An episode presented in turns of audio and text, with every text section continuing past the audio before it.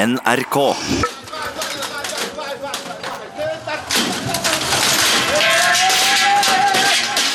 Tegninger av profeten Mohammed i norske og danske aviser utløser demonstrasjoner verden over.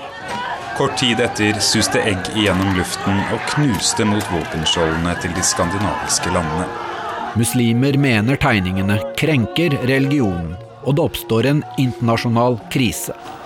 Først ble de stoppa av opprørspoliti som hadde danna en jernring rundt bygget og pressa dem tilbake. Det ble også brukt tåregass. Vi har bak oss en uke med hendelser Norge ikke har opplevd maken til.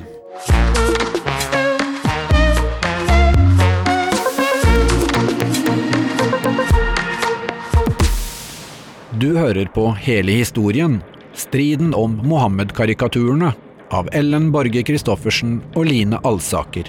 Del to av to.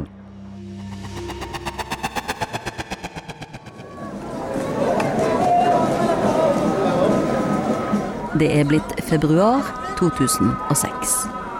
Det har gått litt over tre uker siden den kristne avisen Magasinet trykket Mohammed-karikaturene.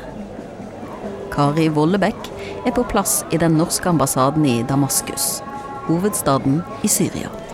Jeg jobbet eh, som ambassadesekretær. Det var den første jobben eh, jeg hadde som eh, utsendt diplomat. Kari bor sammen med mannen Dag og datteren Mina i samme bygg som ambassaden, i en leilighet i etasjen over. Dag jobber hjemme med en doktorgrad. Og det var en liten ambassade. Vi var tre norske utsendte og sju eh, lokalansatte syrere. Så siden det var en liten ambassade, så gjorde jeg eh, veldig mye forskjellig. Alt fra å gå i møter i Utenriksdepartementet, vi jobbet mye med menneskerettigheter, vi eh, Ja, alt fra de store og politiske tingene til å eh, prøve å fikse satellitten opp på taket når den var ødelagt. Ambassadøren er på rundreise i Palestina, og dermed er det Kari som har hovedansvaret. Hun har snakket med Utenriksdepartementet for å be om forsterkninger rundt den norske ambassaden, etter at de voldsomme reaksjonene mot Mohammed-karikaturene har tvunget skandinaver ut fra Gaza og Vestbredden. UD frykter at uroen kan spre seg til norske og danske interesser i Syria. Kari kontakter derfor syriske myndigheter. Vi hadde alltid vakter eh, på, utenfor ambassaden. Eh, syriske politifolk som, som, passet på. Og jeg ba om at vi skulle få eh, flere vakter og bedre beskyttelse. Men svaret blir ikke det hun håper på. Nei, da eh, lo samtalepartneren eh, og sa at eh, hvordan kan du tro at vi kan gi dere mer beskyttelse når, når Norge tillater at slike tegninger trykkes? Da kan ikke vi lenger være ansvarlig for sikkerheten. Det hjelper lite å si til den syriske myndighetspersonen at det er brudd på internasjonale regler å ikke passe på ambassadene. Kari kontakter kollegene sine på den danske ambassaden. De har fått samme svar. De får ikke økt vakthold. Og eh, vi ble nå enige om at uh, i hvert fall den kommende fredagen så uh, holdt vi oss borte fra ambassaden. At det var like greit å være, ikke være hjemme etter fredagsbønnen. Så det var egentlig sikkerhetstiltaket som, som vi tok. Så da fredagen kommer, er Kari og familien på en liten utflukt ut av sentrum. For å være på den sikre siden. Vi dro hjem igjen og registrerte jo at ingenting hadde skjedd. Og, og da tenkte jeg at Neimen, nå kommer det i hvert fall ikke til å skje noe denne uken. Vi får heller være litt obs neste fredag igjen, men nå Ja. Men det er ikke fredag. Det er lørdag. Dagen etter at alt går galt. Det er lørdag formiddag i København. Politiet har sperret av området rundt hovedbanegården. Flere hundre unge muslimer har møtt fram for å forsvare sin religion. Magasinet-redaktør Vebjørn Selbekk følger med på nyhetene. Der det var sammenstøt mellom uh, nynazister og, og uh, muslimer på, på uh, gata i København. Selbekk er redd for at protestene skal spre seg.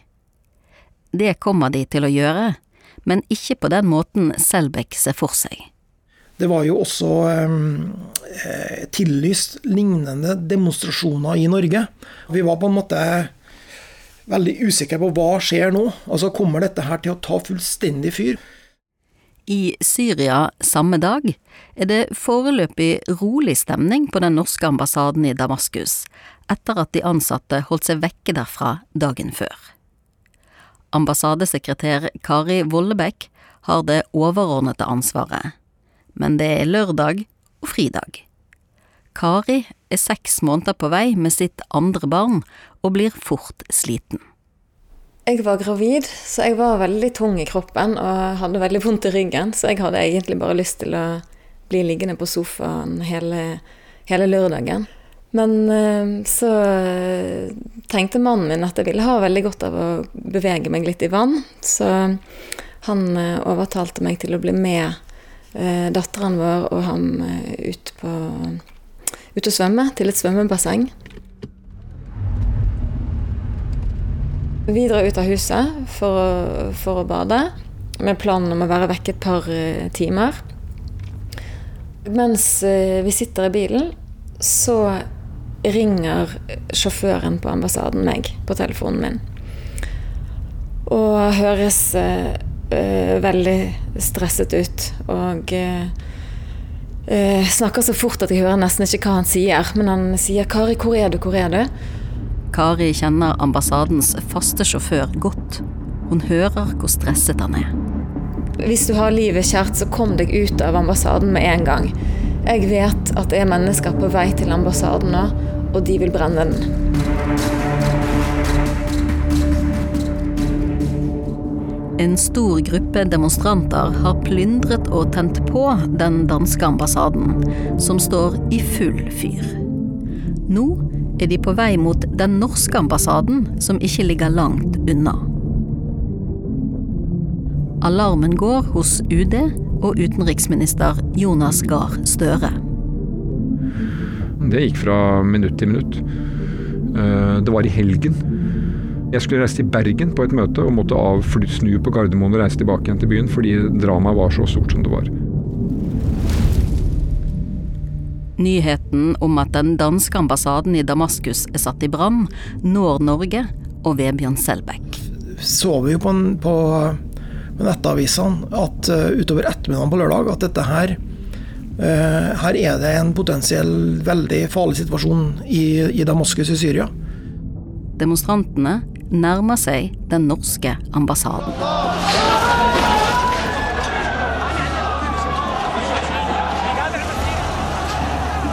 Kari og familien sitter i bilen, rett bortenfor ambassaden, mens tusenvis av sinte demonstranter strømmer rundt og forbi de på utsiden. Ja, det ble umulig å komme noe sted fordi at eh, det var så mange demonstranter etter hvert at eh, ja, det ble mulig å kjøre videre. Eh, så da kom vi egentlig ingen vei lenger. Vi var eh, stuck. Tusener av demonstranter går forbi bilen med stokker, batonger, bensinkanner. Ropende med et voldsomt sinne. Heldigvis er bilen de sitter i, ikke merket med norske flagg. Og både Kari og mannen har mørkt hår, mens datteren på tre ikke synes så godt i baksetet. De er livredde for det som foregår rett utenfor bildørene. Men Kari prøver å roe ned situasjonen. Eh, det var ganske høy puls eh, i bilen, og datteren var mine satt i baksetet og hylgrein. Og jeg sa til ham gang på gang Dag, de vet ikke at det er oss de er ute etter. De vet ikke at dette er oss.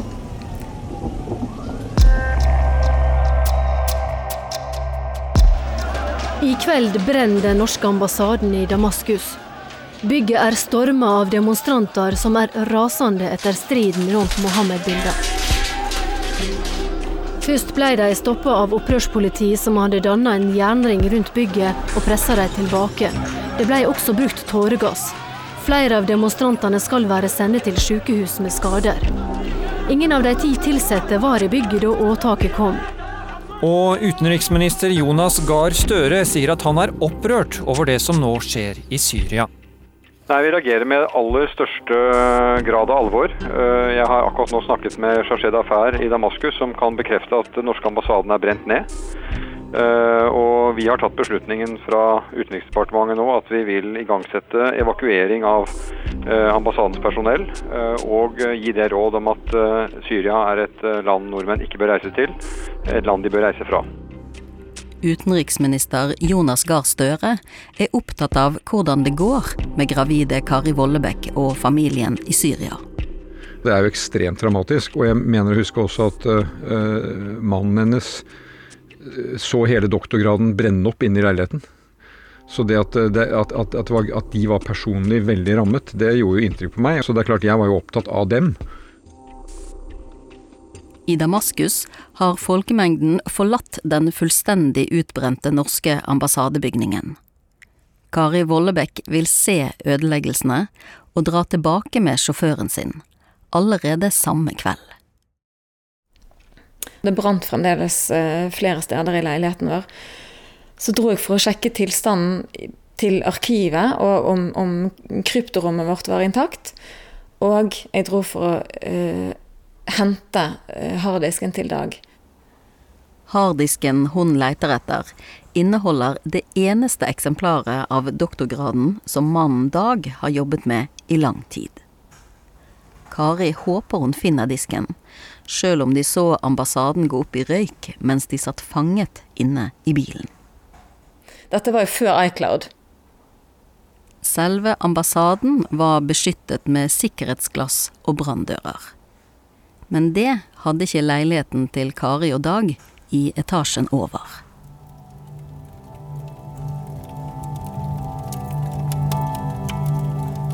Leiligheten er plyndret og fullstendig ødelagt. Inne er det helt mørkt.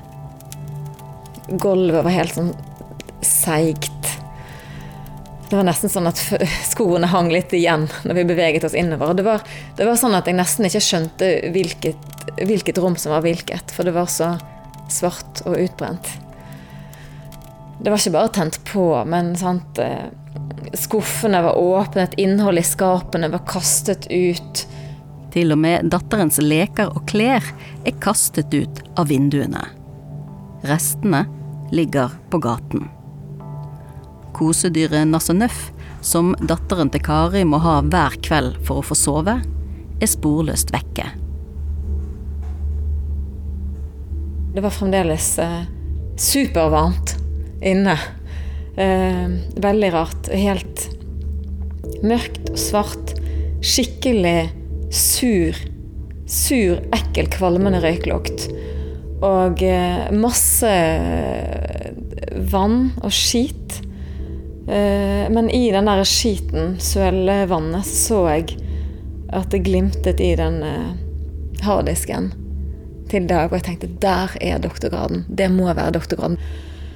Og jeg så den og bare tok den opp av sølevannet og følte at jeg hadde vunnet en skatt. Den samme lørdagen er magasinredaktør Vebjørn Selbekk og familien invitert på middag hos naboene. Det blir ikke helt den avslappende kvelden de har håpet på. Vi fikk servert eh, elgsteik, husker jeg. Og så eh, eh, er jo Dagsrevyen kommer opp og intervjuer om det som har skjedd. Og så får jeg en telefon som jeg aldri kommer til å glemme, fra VG. Som sier at de har Norges statsminister, Jens Stoltenberg, har gjort intervju med han, har det på bånd. Der han da ifølge, ifølge VG-journalist sier at Norges statsminister gir deg ansvar, eller deler av ansvaret, for at den norske ambassaden i Damaskus nå er, er brent ned i grunnen. I VG-intervjuet sier statsminister Stoltenberg at demonstranten i Damaskus bruker karikaturene som begrunnelse, og at den norske regjeringen har beklaget flere ganger at muslimenes religion er krenket. Og det er klart at det var eh, også en sånn type knyttneveslag i magen, som, der man føler at eh, en jagende smerte som bare blir, blir der. Eh, og jeg husker jeg tenkte at nå eh, Hvis sikkerhetssituasjonen vår har vært krevende eh, til nå, nå hadde vi jo levd med disse truslene i, i nesten en måned da. Eh, hvis de har vært krevende før, så kommer det til å bli helt ekstremt nå. Jonas Gahr Støre. Det var jo to ting vi forsøkte å forklare. Det var at det var ikke Norges hensikt eller mening eller intensjon da, å såre muslimer, krenke profeten eller hva det måtte være. Eh, samtidig slå fast i Norge så har vi ytringsfrihet, vi har redaktørfrihet. Eh, eh, dette er det lovlig å si. Basim Gosland fra Det islamske forbundet blir skeptisk da han ser bildene fra Syria. Han mener moderate muslimer ikke ville ha demonstrert på en så voldsom måte. Det som skjedde der nede, det er ikke ekte. Det er ikke sånn sinne at muslimer gode troende som ble provosert av tegninger, og som gikk til demonstrasjon. Ingen kunne demonstrere der uten tillatelse fra regimet. Vebjørn Selbekk er fullstendig utslitt etter nesten en måned med trusler og demonstrasjoner. Dette her må Det må få en slutt. Ambassadebrenningen er bunnpunktet. Vi kan ikke, vi kan ikke holde på å leve sånn som dette her. At dette her eskalerer og eskalerer og eskalerer hele tida. Ambassadørkontoret er et nedslående syn. Demonstrantene har plyndra, knust og brent Norge sine offisielle lokaler i Syria. NRKs korrespondent Odd Karsten Tveit kommer til branntomten i Damaskus, sammen med ambassadøren. Han har med seg et lite kamera.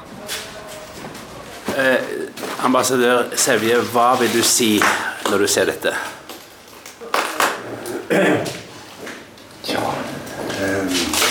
Jeg har sikker bedre.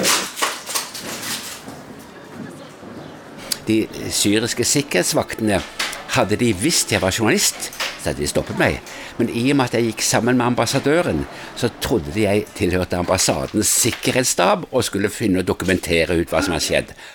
Odd Karsten Tveit bruker sine kontakter for å prøve å finne ut hvem som står bak ambassadeangrepet konklusjonen var vel på at det var nok ikke syriske myndigheter som sto bak selve angrepet eller eh, demonstrasjonen som førte til at, at ambassaden ble satt fyr på. Men at syriske myndigheter kunne ha stoppet det, men de gjorde det ikke. Eh, trykkokeren får lov å, å, å koke litt over. Kari Vollebekk starter nå jobben med å få evakuert nordmenn ut av landet. I disse tider er det mange av oss som er glad for at Midtøsten ligger et stykke unna. Men en del nordmenn har opplevd bråket på ubehagelig nært hold. Tobarnsmoren Elisabeth Arnesen I den midlertidige ambassaden på et hotellrom i Damaskus jobber Kari Vollebekk og de andre norske diplomatene døgnet rundt med å evakuere nordmenn. Jeg tror at første gangen jeg egentlig tenkte noe over eh, hvordan går det med meg, det var da altså sjefen eh, Jonas Gahr Støre ringte. Og eh, jeg var veldig i jobbmod, og så var jeg jo helt sikker på at han ringte fordi han ønsket en statusoppdatering. Hva, hva skjer på ambassaden nå? Eh, så jeg gikk i gang med å, å brife ham om det, og han bare stoppet meg. 'Kari, stopp, stopp', sa han. Og jeg husker jeg ble nesten litt irritert, fordi um, han sa 'Hvordan går det med deg? Hvordan går det med familien?' Og jeg tenkte ja men, ja, men la oss nå fokusere på oppdraget. Men han bare stoppet meg og sa nei, eh, hvordan går det med deg? Jeg tenkte jo at vi har det etter forholdene bra. Vi har overlevd. Vi sitter trygt på et, eh, på et hotellrom.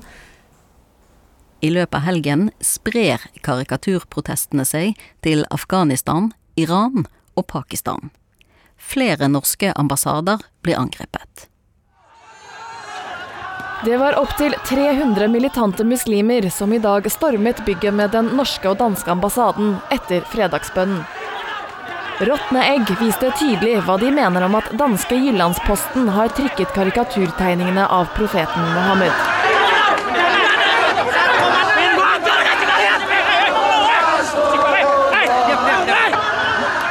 Det er hektisk aktivitet i regjeringen. Statsminister Jens Stoltenberg bestemmer seg for å redegjøre i Stortinget om situasjonen når helgen er over. Vi har bak oss en uke med hendelser Norge ikke har opplevd maken til. Det var en nærmest fullsatt stortingssal som i formiddag fikk høre statsminister Jens Stoltenberg orientere om regjeringens håndtering av angrepene mot norske mål og interesser i kjølvannet av de omstridte karikaturtegningene. Jeg forstår at mange blir usikre i en slik situasjon. Samtidig vil jeg at alle skal vite at norske myndigheter og politi hele tiden er opptatt av hvordan vi best mulig kan passe på sikkerheten til alle som bor i landet vårt. Situasjonen virker helt fastlåst. I tillegg er det varslet en stor demonstrasjon mot karikaturene i Oslo om få dager. Og diskusjonen går høyt blant norsk muslimsk ungdom. Etterstad videregående skole i Oslo med 500 elever. 100 av dem har muslimsk bakgrunn. De prøver å følge med på tavla, men hodene er fylt med noe helt annet. Jeg, jeg, jeg mener personlig at uh, de gjorde det for å provosere og krenke uh, religionen vår. Mens vi er på skolen, oppstår en situasjon. En lærer i skolegården skal ha sagt noe stygt om Mohammed. Faen er det? Dere sier at vi Han står og sier til meg at vi skal roe ned ting og sånn, og så sier han at Mohammed er en drittsekk.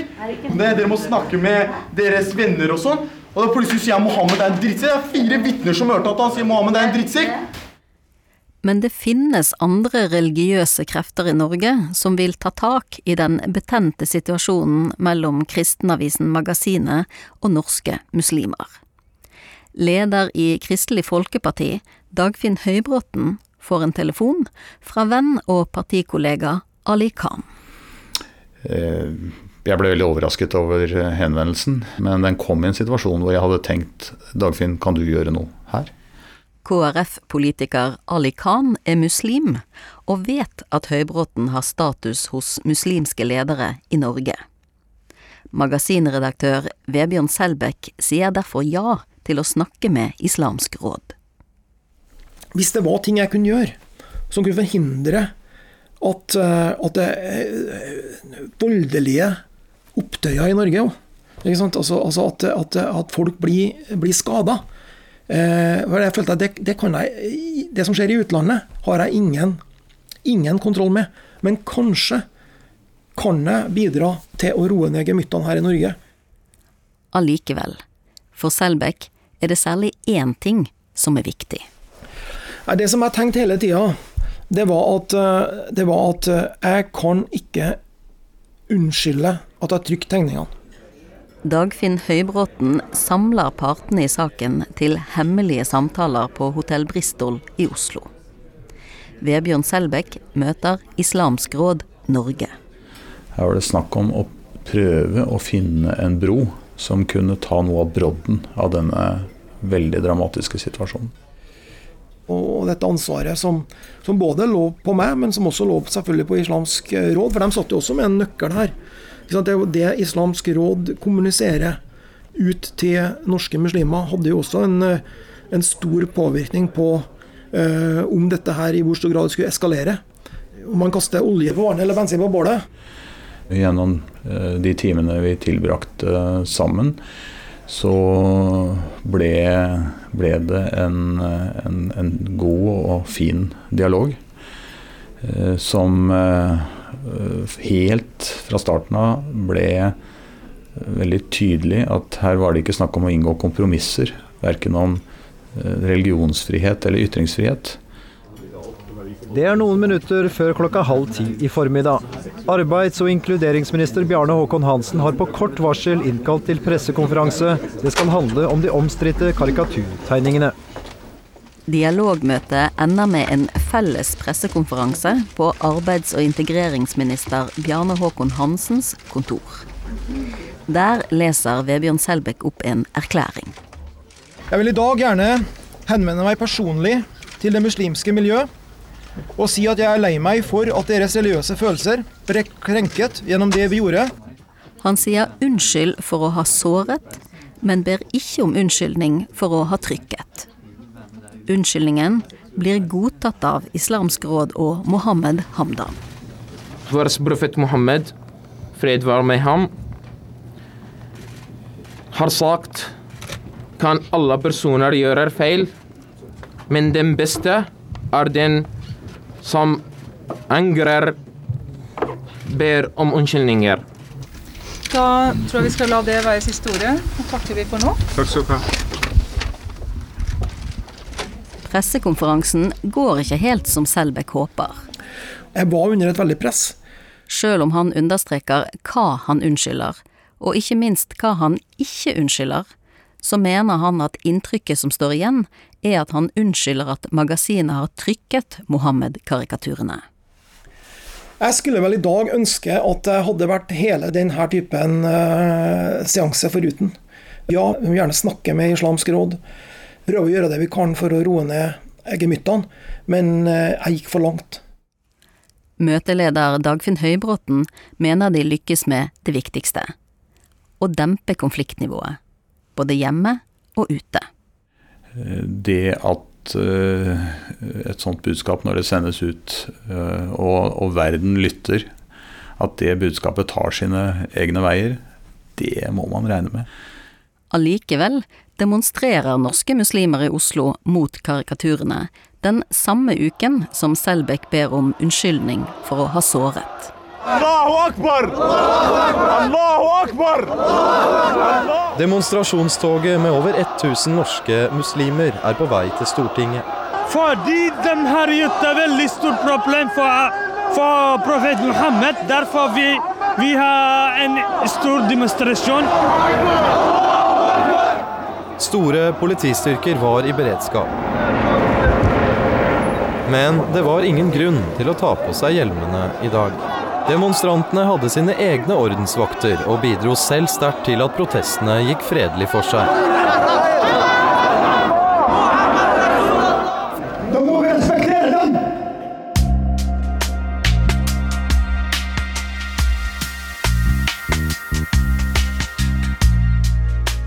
Kostnadene blir store for familien Selbekk. I all hemmelighet flytter de fra huset innerst i Blindveien til et annet sted på Østlandet.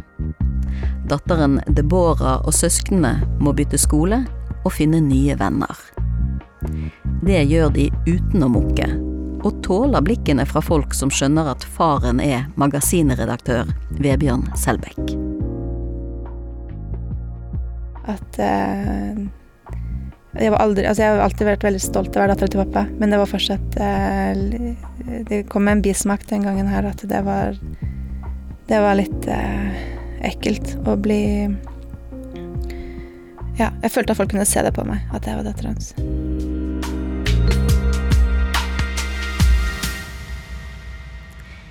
I april 2006 får Vebjørn Selbekk en opptur. Da kommer uttalelsen fra Pressens faglige utvalg, PFU, om karikatursaken. Der står det at magasinet ikke har brutt god presseskikk, og heller ikke har brukt en provoserende form. Det overrasker ikke Per Edgar Kokkvold i Presseforbundet. Ja, altså det, det, må være lov å provosere når det gjelder, gjelder, ideologier og politiske ideologier og religioner som, som, mener at det er lov å slå mennesker i hjel som ikke tror.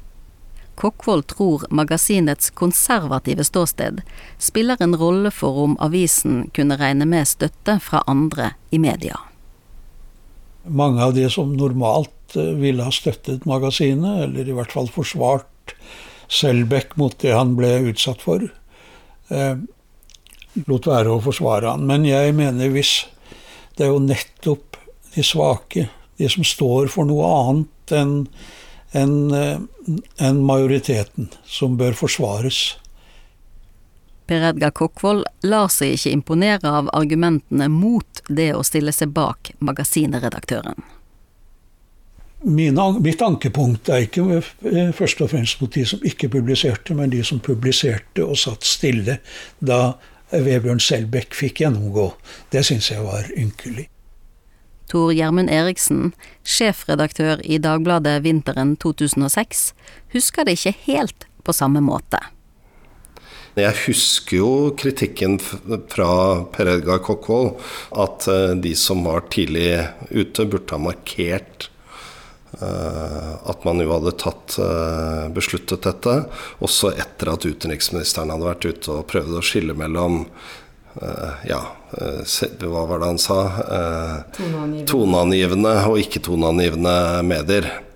Det er jo ingen tvil om at i begrepet toneangivende medier så lå både Aftenposten og Dagbladet. Men ble dere ikke veldig stille etter at Selbekk ble hengt ut? Det er jo en kritikk som har kommet uh, nå i etterkant. Og, og jeg hører jo hva Vebjørn Selbekk sier. Han sier at han ble stående alene. Det syns jeg er leit å høre i dag, men jeg mener at jeg i flere sammenhenger minte om at også Dagbladet hadde, hadde publisert det, og det var jo et faktum at vi hadde gjort det. Det handler om frykt. Det er jeg helt sikker på. Og jeg syns det lyder ganske hult når de fleste norske redaktører faktisk sier at uh, enten at det, vi gjorde det av respekt, det må man kanskje bøye seg for, men så har de mange også sagt at det var ikke uh, det var ikke relevant å publisere det. Altså Når halve verden står i brann, så er det ikke relevant å publisere tegningene, sier redaktører som hver eneste dag, for ikke å si hver eneste time, publiserer ting som er langt mindre relevante enn disse tegningene. Etter at ambassadesekretær Kari Vollebekk og mannen Dag kommer tilbake til Norge fra Syria, får de en nedslående beskjed. Harddisken Kari fant i den utbrente leiligheten i Damaskus, kan ikke gjenopprettes. Ingen eksperter får det til. Folk snakker om at 'oi, så trist at du mister eiendeler og fotografier', og det har jeg aldri reflektert noe over. Eh, egentlig er det bare en befrielse å miste ting. Vi har jo alle altfor mange ting. Det er egentlig en slags eh, renselse. Du blir veldig klar over alt du ikke trenger. Jeg har alltid tenkt hva skal jeg med bilder dat av datteren min? Jeg har jo henne. Hun overlevde. Det er, det er det som spiller noen rolle. Men den doktorgraden, det var utrolig surt. Men det finnes òg noen andre ting enn en doktorgrad som er viktig. Yndlingskosedyret til familiens minste gikk tapt i brannen. En kjær venn er vekke. Eh, Mina, datteren min som var tre, var det. Eh, for hun hadde mistet Nasse Nøff, sant. Nasse Nøff var jo en av, uh, en av alle tingene som, som gikk opp i røyk. Og, og, hun hadde jo ingen mulighet til å sove uten Nasse Nøff. Mm, det var hennes personlige krise. Veldig krevende. Men jeg hadde en veldig god tysk kollega så eh, et år seinere så møtte jeg henne igjen, og hun kjente jo godt uh, Nassenøff. Så da hadde hun kjøpt en ny nasenøff, som hun ga til Mine.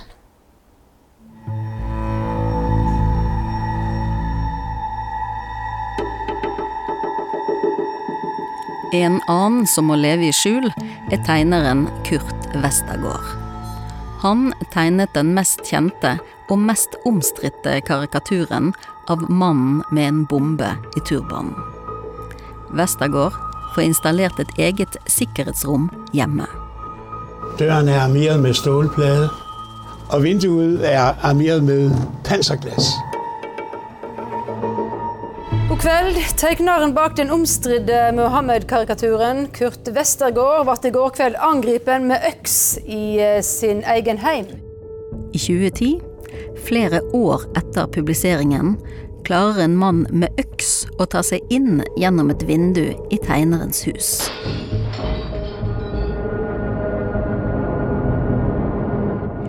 Westergård klarer med et nødskrik å komme seg inn i det sikre rommet, mens det fem år gamle barnebarnet blir sittende alene i stuen med øksemannen, før politiet kommer.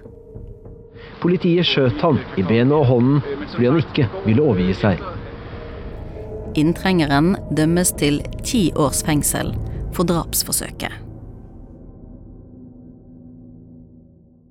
Året etter, høsten 2011, blir Vebjørn Selbekk intervjuet i NRK. Karikaturstriden har satt spor. Jeg tenker på det hver dag. Det er klart jeg gjør det. Dette, dette, dette er en sak som på en måte har vært veldig definerende for meg.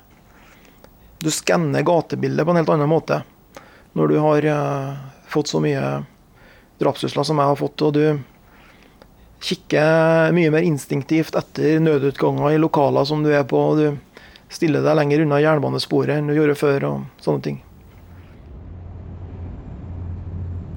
Det er som om noe har endret seg i verden. Saken om karikaturene får aldri dø ut.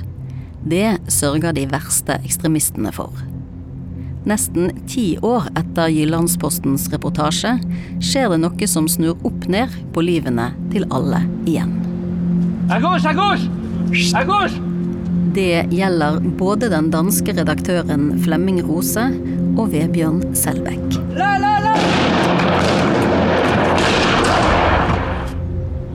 Det har så vidt blitt et nytt år i Paris 2015, da to maskerte menn storma lokalene til den lille satiriske avisen Charlie Hebdo. Charlie Hebdo lever av å provosere med vitsetegninger. Avisen gjør narr av det meste, også religion. Charlie Hebdo har trykket en tegning som latterliggjør profeten Mohammed. Igjen. De to maskerte mennene roper 'Allahu akbar', Allah er stor, og skyter vilt rundt seg.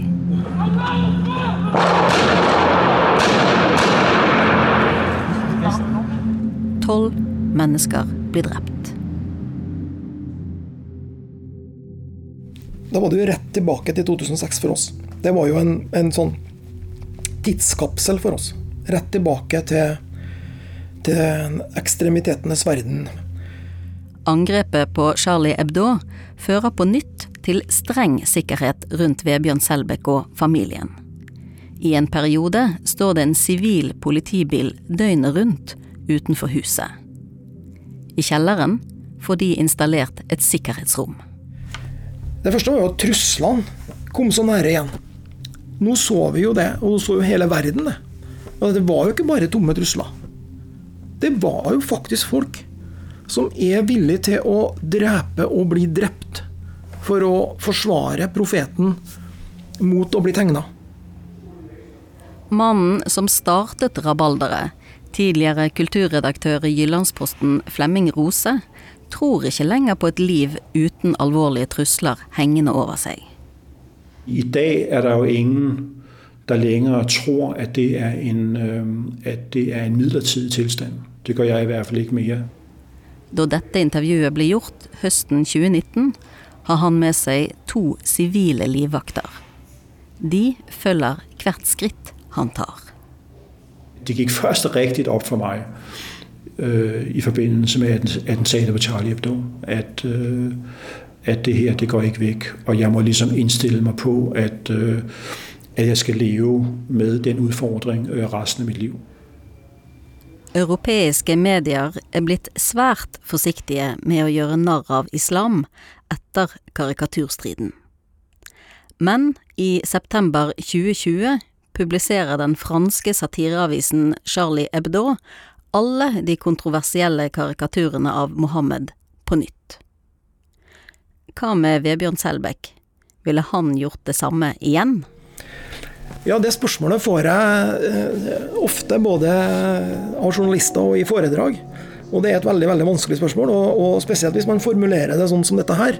Hadde du gjort det igjen hvis du hadde visst alt som skulle skje? Sånn?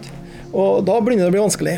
Og, og eh, da begynner det å bli helt umulig å svare på. Men jeg, det jeg bruker å si, da, og som er det nærmeste jeg kan, kan komme, tror jeg, det er at jeg, jeg vet ikke. Men jeg, hadde, jeg håper at jeg hadde gjort det igjen, for jeg mener det var en riktig avgjørelse.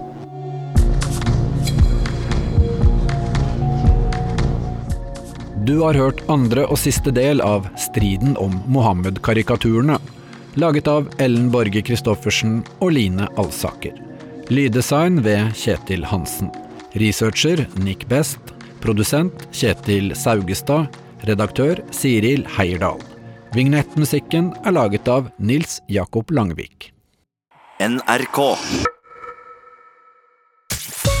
Hei, jeg heter Kristine og har lagd en podkast om følelsene våre. Jeg syns det er kult det når folk er sånn skikkelig forbanna på deg. Før jeg begynte, så ante jeg ikke at ydmykelse ble kalt følelsenes atombombe. Han har på en måte satt meg på plass så grundig. Eller at Bergen var skadefrydens hovedstad. Skal jeg innom at jeg hadde skadefryd for Boris Johnson, jeg håpte faktisk at Donald Trump òg hadde korona. Eller at Bob Dylan ikke hadde vært Bob Dylan uten bitterhet. Teksten blir bare verre og verre. Du har nå lovet å holde meg i hånden når jeg dør, da, så vi får nå se om det er fotballkamp da eller ikke. I podkasten Følelsen får du høre historier fra innsiden som veldig ofte tyter ut. Følelsen laster du ned i appen NRK Radio